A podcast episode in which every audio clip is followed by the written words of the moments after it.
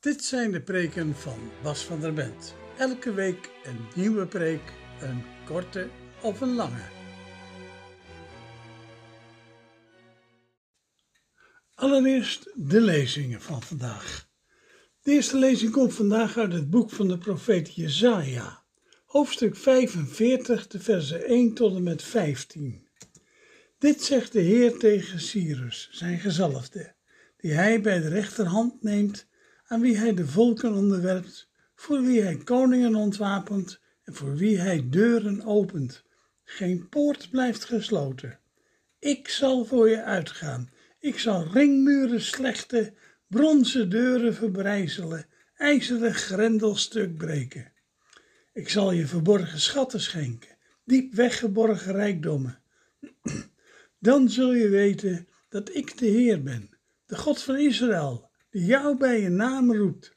Omwille van mijn dienaar Jacob van Israël, dat ik heb uitgekozen, heb ik je bij je naam geroepen en je met een erenaam getoond, ofschoon je me niet kende.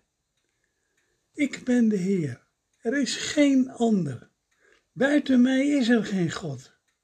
Ik heb je omgord met wapens, ofschoon je me niet kende. Zo zal iedereen, van oost tot west, weten dat er niets is buiten mij.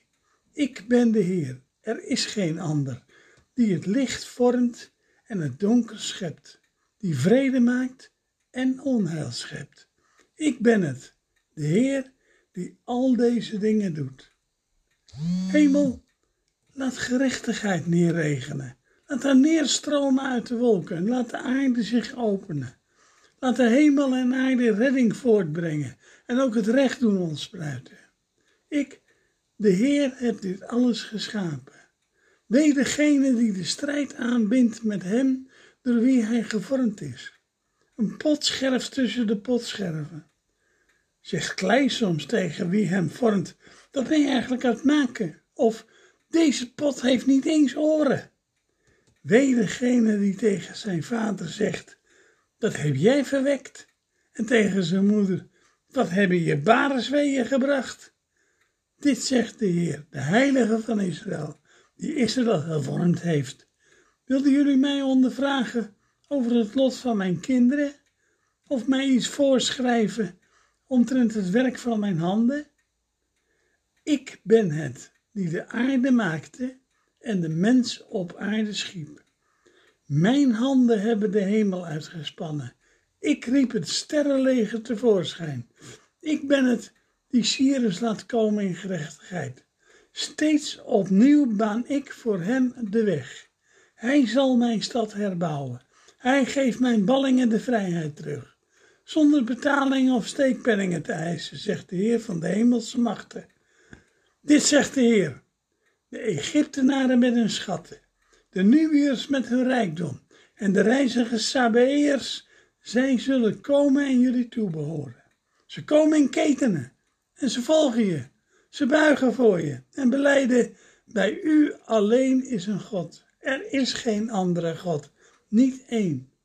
En voorwaar, u bent een God die zich verborgen houdt, de God van Israël, die redding brengt. Tot zover de lezing uit het Oude Testament. Vanmorgen de lezing uit het Evangelie komt uit Marcus 9, de hoofdstuk 4, de versen 14 tot 29. Toen ze terugkwamen bij de andere leerlingen, zagen ze een grote menigte aan hen staan. Er waren ook schriftgeleerden bij, die met hen aan het discussiëren waren. De mensen waren verbaasd toen ze hem zagen en liepen meteen naar hem toe om hem te begroeten. Hij vroeg hen, waarom zijn jullie met hen aan het discussiëren? Iemand uit de menigte antwoordde, meester, ik heb mijn zoon naar u gebracht, omdat hij door een geest bezeten is en niet kan praten. En steeds wanneer de geest hem overweldigt, gooit hij hem op de grond en dan komt het schuim op de mond te staan. Hij knarst met zijn tanden en wordt helemaal stijf. Ik zei tegen uw leerlingen dat ze hem moesten uitdrijven, maar dat konden ze niet. Hij zei tegen hen, Wat zijn jullie toch een ongelovig volk? Hoe lang moet ik nog bij jullie blijven? Hoe lang moet ik jullie verdragen? Breng hem bij me. Ze brachten de jongen bij hem. En toen de geest hem zag, deed hij de jongen meteen stuip trekken. En met het schuim op de lippen viel hij op de grond en rolde heen en weer. Jezus vroeg aan zijn vader: Hoe lang heeft hij hier al last van? Hij antwoordde: Al vanaf zijn vroegste jeugd.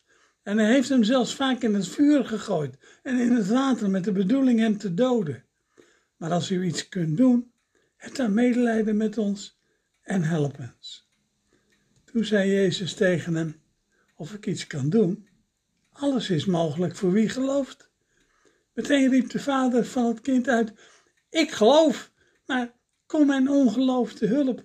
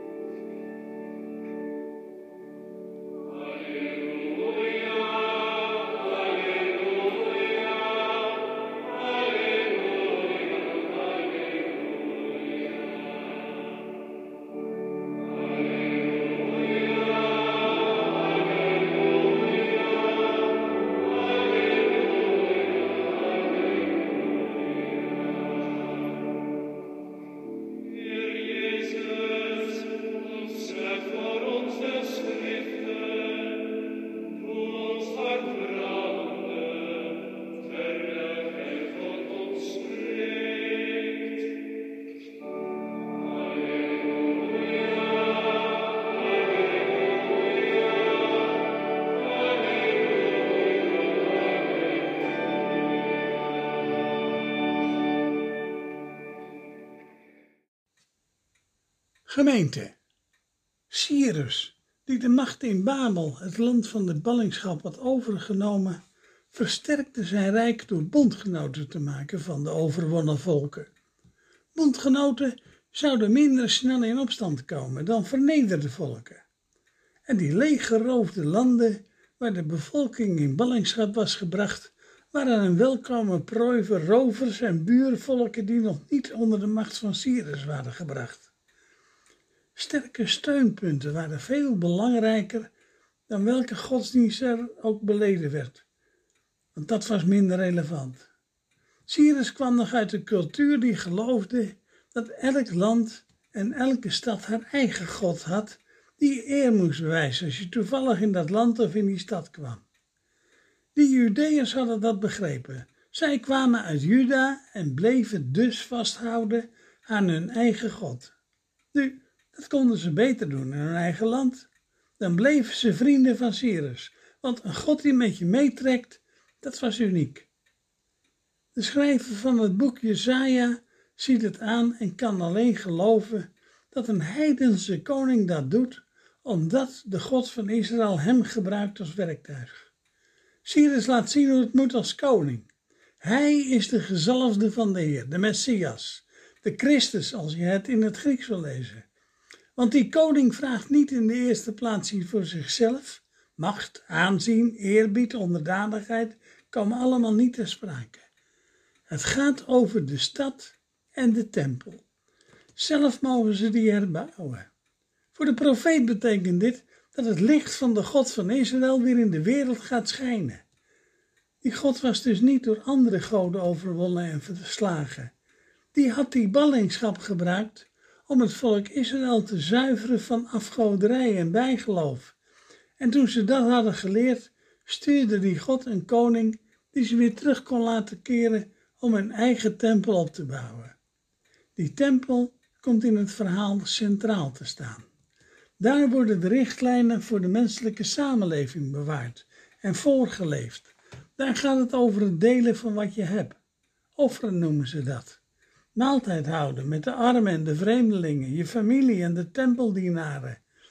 Als de herbouw van de tempel is voltooid, zo vertelt de Bijbel, dan zal dat verhaal ook, de wording van Israël, ook worden voorgelezen door de priesters en de levieten. Gerechtigheid, dat is wat de God van Israël ons geeft. Gerechtigheid in de zin dat ieder tot zijn of haar recht komt. Die hemel is ooit door God boven ons gezet als een bescherming, een schild tegen de wateren van boven. En water kunnen dodelijk zijn. In de taal van het volk Israël staat het water vaak voor de dood.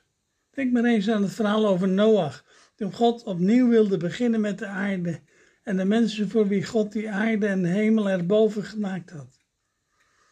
Die gerechtigheid staat niet ter discussie. Voor sommige mensen is dat wel beangstigend. Ze vinden zichzelf maar slecht. En als ze tot hun recht moeten komen, dan blijft er maar weinig van hen over. Ze zijn niet in staat tot enig goed, dus het kwaad wordt in, het, wordt het in hen zichtbaar als de gerechtigheid van de God van Israël hen treft. Maar het is niet anders.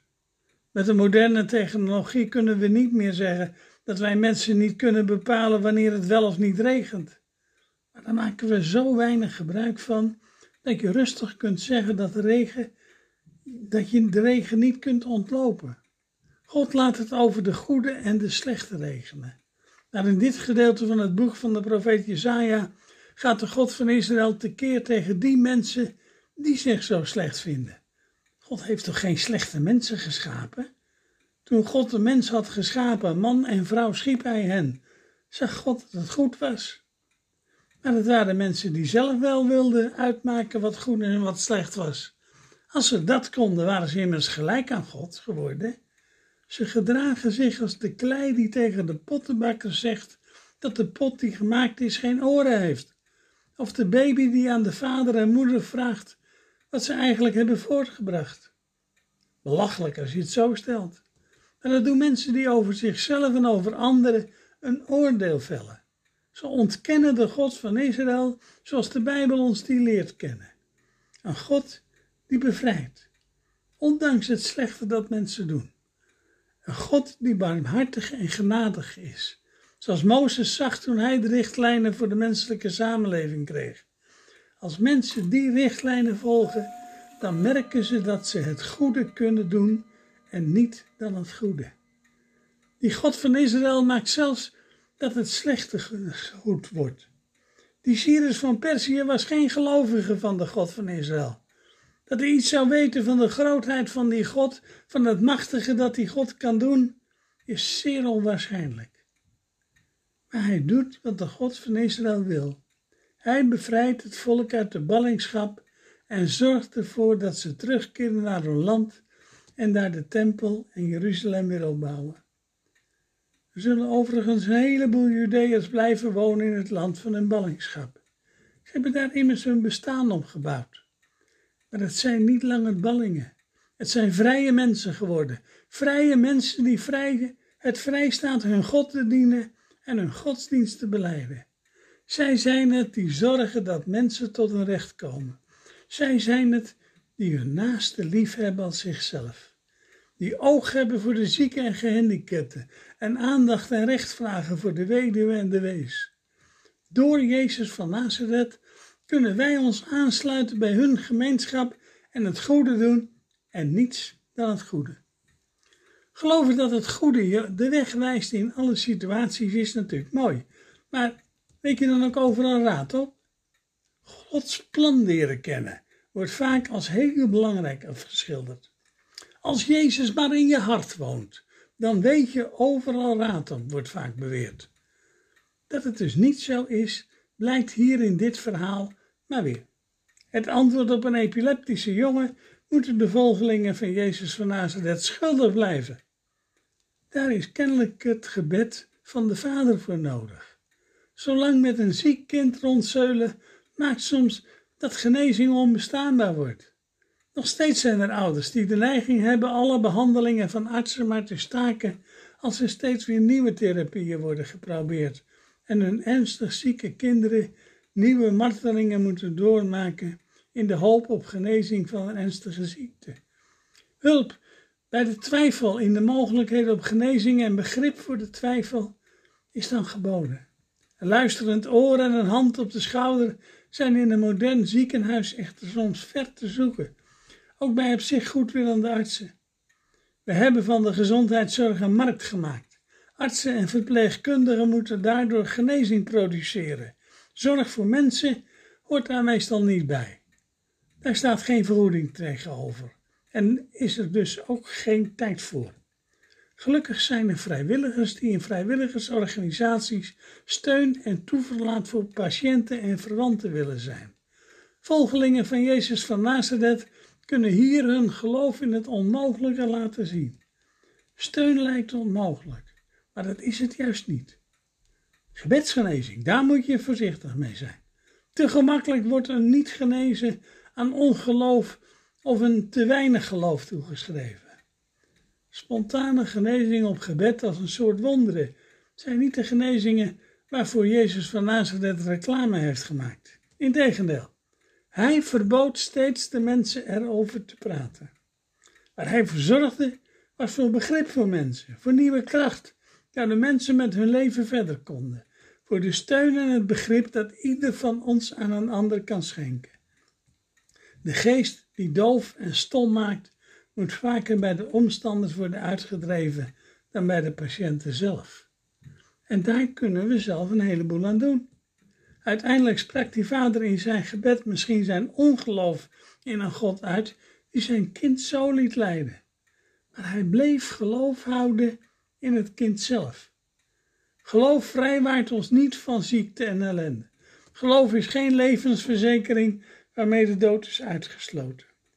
Maar het geloof in de mensen om ons heen kan hen op de been houden. En dokters en verpleegkundigen de gelegenheid geven hun moeilijke werk te doen. Het kan mensen ook helpen afscheid te nemen van elkaar en toch te weten dat het goed is. Aan ieder van ons om ook in de gezondheidszorg de mensen voorop te blijven plaatsen. Ook daar is het lot van de zwakste de maat voor kwaliteit. Ook daar is nog veel werk te doen dus. Vat het aan aan het werk. Amen.